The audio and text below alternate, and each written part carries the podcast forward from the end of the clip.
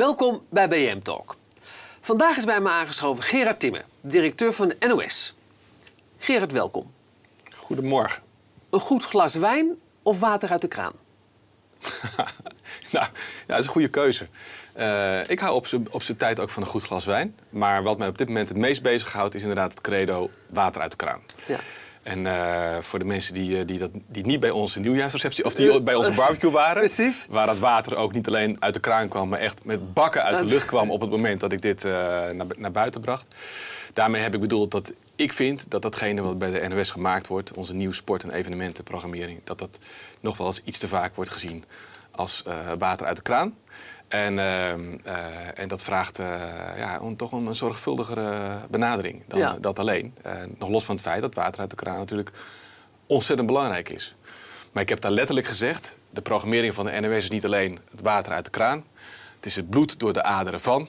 Het is het hart van de publieke omroep. Dat was mijn statement die Ik weet het, die ik, was middag. er, ik was erbij. Ja. Um, vind jij dat het water uit die kraan van de NOS steeds meer begint te druppelen?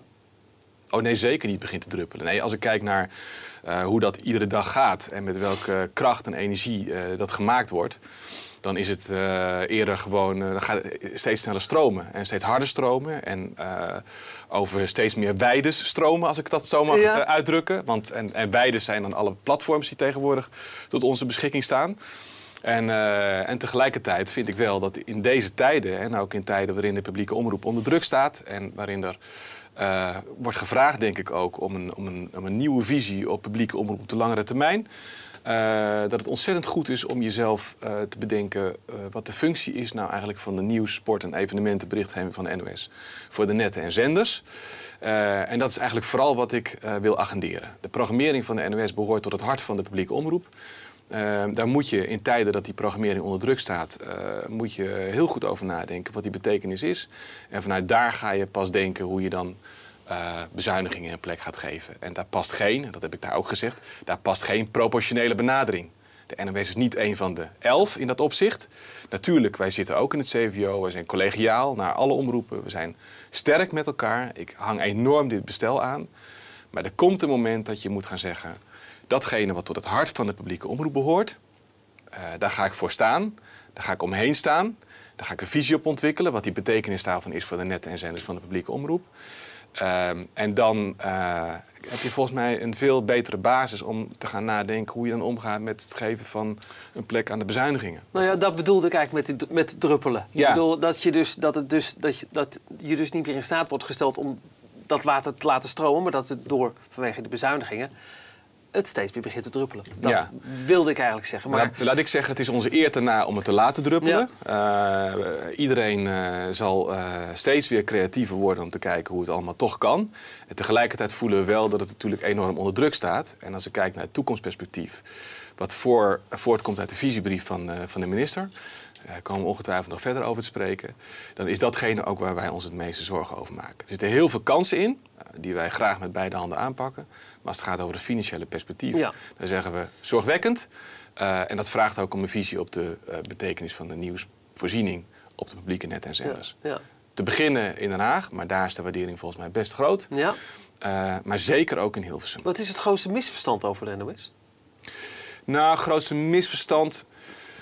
Uh, ik ontmoet veel waardering, laat ik dat ook uh, echt benadrukken. Uh, ik ontmoet overigens niet alleen bij, bij, bij mensen die erover gaan. Ja. Lees de, de, de, minister of ja. mensen op het departement of bij de politieke partijen. Er is veel waardering voor de berichtgeving van de NMS. Overigens ook het publiek. Betrouwbaarheid is groot. afgelopen jaar ook, ook weer, weer gestegen. Waar ik me nog wel eens aan stoor over het beeld dat de berichtgeving van de NOS eenzijdig zou zijn. Als ik kijk naar hoe er bij ons iedere dag na wordt gedacht over die berichtgeving. Uh, bij ons is een credo, dat hangen we na. Wij vinden dat, die, dat we open en onbevangen in de actualiteit moeten staan. En iedere dag, we hebben bij onze vergadering, dat heet om één uur de kwart over één. Maar in die vergadering wordt iedere dag gediscussieerd, fel gediscussieerd. Hebben we de juiste woorden gekozen? Hebben we de juiste perspectieven gehanteerd? Zijn er, daar zijn, zijn er verschillende meningen aan bod gekomen? Uh, die vraag stellen wij ja. onszelf iedere dag. Uh, uh, en wij vinden ook dat wij dus die open en onbevangen houding moeten hebben. En dat Nederland zich moet kunnen herkennen in de berichtgeving van de NOS. Ben je vaak in Den Haag? Ik ben met enige regelmaat in Den Haag.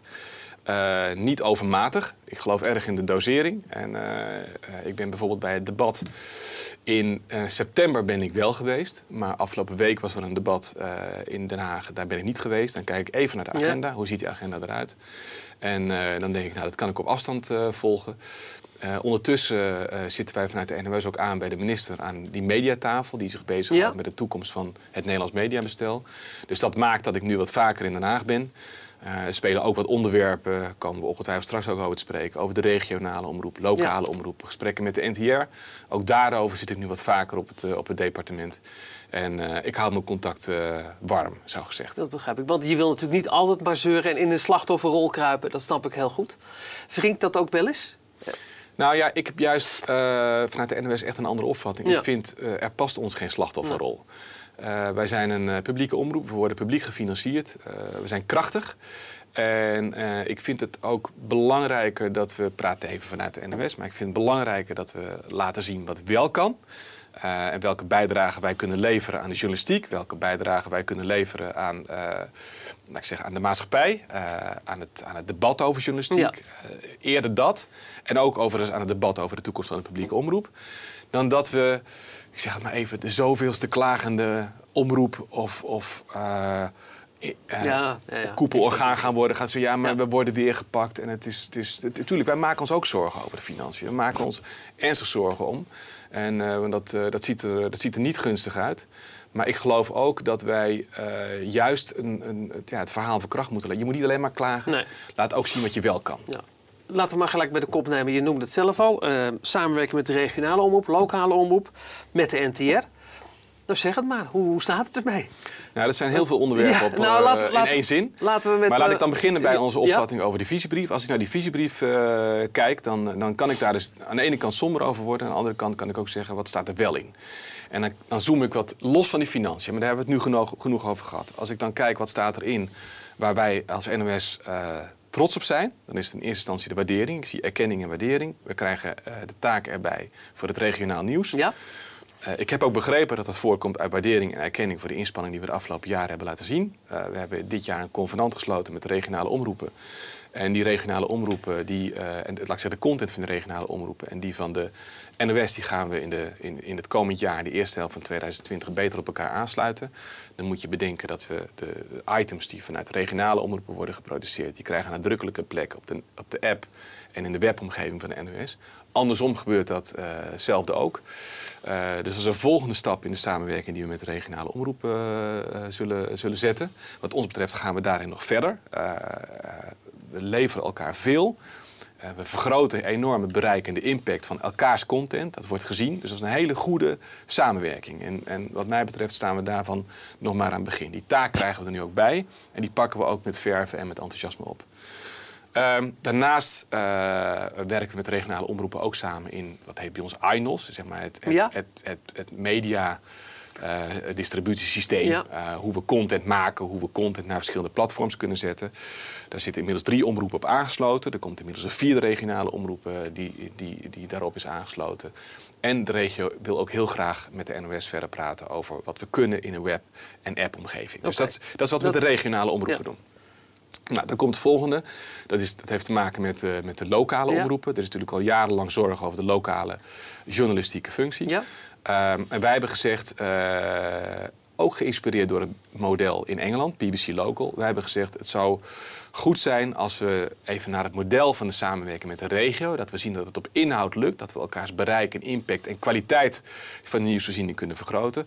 Als we eens gaan nadenken hoe we dat ook kunnen gaan doen voor de lokale journalistiek. Dus dat hebben we laten weten. We zijn met de regionale omroep in gesprek. Uh, en uh, we hebben recent ook een gesprek gehad met de NLPO. Ja, om te kijken of we in de, in, in de trap uh, lokaal, regionaal, landelijk of we wat voor elkaar kunnen betekenen uh, in de vergroting van de kwaliteit van de journalistiek, in de aanwezigheid van de journalistiek, ook op lokaal niveau. En vervolgens ook in het vergroten van het, van het bereik van die ja. journalistiek. Nou, die gesprekken lopen nu. De komende twee jaar wordt er vanuit het ministerie een budget ter beschikking gesteld om te kijken of, dat, uh, ja, of, dat, of, of daar middels pilots of de ervaring op gedaan kan worden. Wij zitten in januari weer met het departement om te kijken in welk model dan. Nou, dus dus daar tonen we ons ook constructief. Dus dat is gewoon de open houding, dat bedoelde ik ook te zeggen. Dan heb je nog een bord wat je net even overslaat. Dat is het bord met de private uh, ja, dat partijen. heb je ook iets over geroepen in de Villa Media recentelijk. Ja, ja klopt. En, uh, audiovisuele nieuwsdienst ontwikkelen. Ja, ja. Dat, dat, komt voort uit uh, de, de, de, deelname van de NOS aan de tafel van de minister. Daar zitten met een aantal grote mediapartijen. De NOS zit daar als enige individuele publieke omroep. Uh, daar zitten ook aan tafel onder andere Mediahuis en uh, Persgroep. En die hebben uh, zich al wel eens in het verleden beklaagd over het feit dat de NOS groot is, sterk is. Ook in het digitale domein, dus online. En wij hebben gezegd, gezien de staat van de journalistiek in Nederland... past het niet om de een of de ander kleiner te maken. Maar ik leg hier op tafel dat we wat mij betreft de gesprekken kunnen gaan voeren... over het gebruik maken van de krachtensterkte van de NOS... Uh, dat is later vertaald in, in een audiovisuele basisnieuwsvoorziening, ja. audiovisuele nieuwsdienst. Dus wij gaan binnenkort ook met uh, Mediahuis en met Persgroep, ja. uh, daar sluiten overigens ook een aantal andere mediapartijen aan, gaan wij praten hoe wij uh, als NOS kunnen bijdragen. Straks krijg je weer het verwijt dat je monopolist wordt. Nou ja, dat zou zomaar kunnen. Maar aan de andere kant is de, de journalistiek staat onder druk. Ja. Uh, dat weten we met z'n allen. En uh, dan kun je maar beter de handen ineens slaan. Kun je maar beter gewoon samenwerken. En dat bedoel ik ook een beetje met dat geluid wat je uit Hilversum ook kan laten horen. Dus ja. je kan klagen. En nogmaals, zorgwekkend als het gaat over financiën. Maar je kan ook laten zien uh, wat je wel kan doen. En ik zou er in die zin ook voor pleiten om die houding, dat geldt voor ons allemaal, dat geldt voor de NPO, geldt voor de omroepen.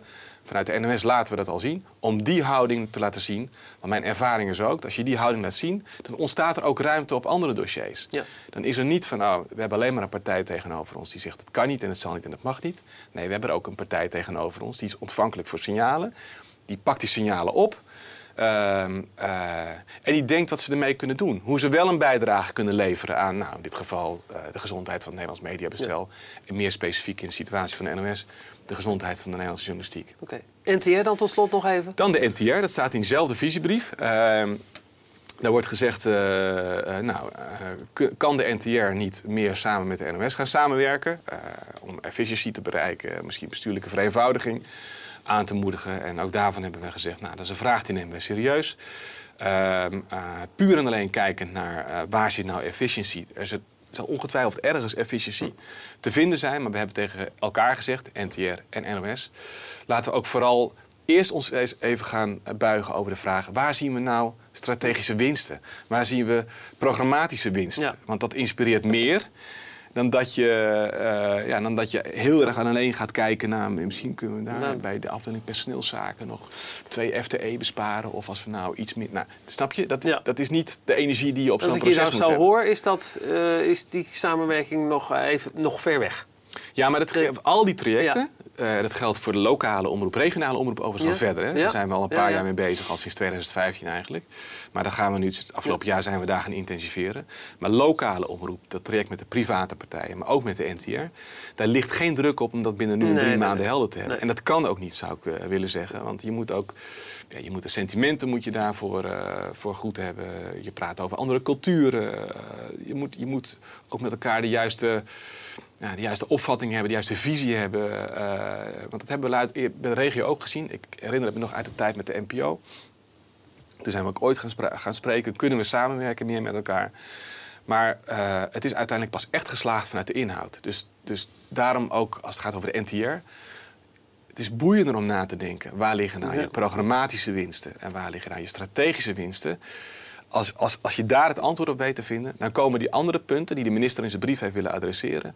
Uh, ik wil niet zeggen die komen vanzelf, maar die vind je dan makkelijker. Ja. Wij nemen die vraag serieus en we gaan, uh, laten we zeggen, de komende drie tot zes maanden op die terreinen die ik net noemde, uh, de gesprekken aan. Oké. Hey, over laten zien wat je kan nog gesproken. Ja. Komend jaar kan dat behoorlijk. Ja. ja. ja er, staat, er staat jullie een zeer bijzonder jaar te wachten. Olympische Spelen, Paralympics, Invictus Games, EK voetbal voor mannen, Tour de France, start van de Vuelta vanuit Utrecht, Amerikaanse verkiezingen komen eraan. Ja. En natuurlijk het Eurovisie Songfestival in Rotterdam.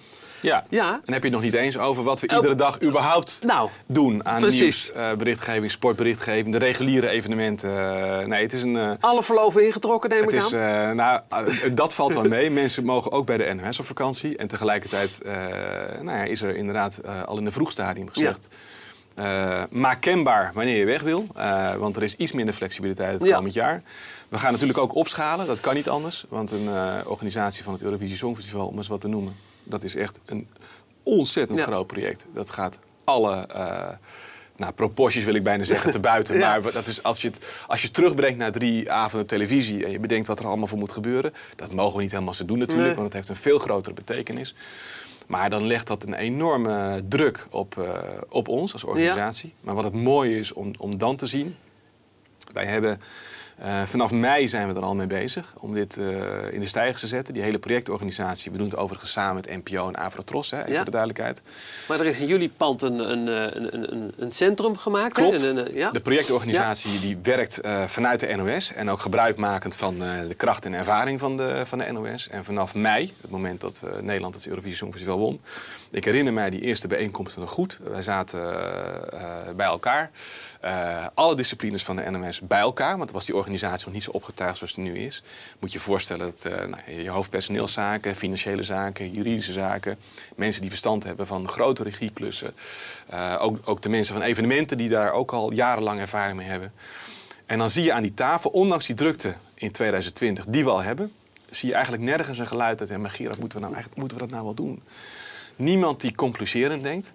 Maar een tafel die eigenlijk alleen maar denkt Ehm, dit gaan wij fixen, dit gaan wij klaren. En dat is, dat is een houding die je enorm binnen de NOS tegenkomt. Dus van al die evenementen die je net noemde, zou het ook best zo kunnen zijn dat zich zomaar nog een evenement aandient.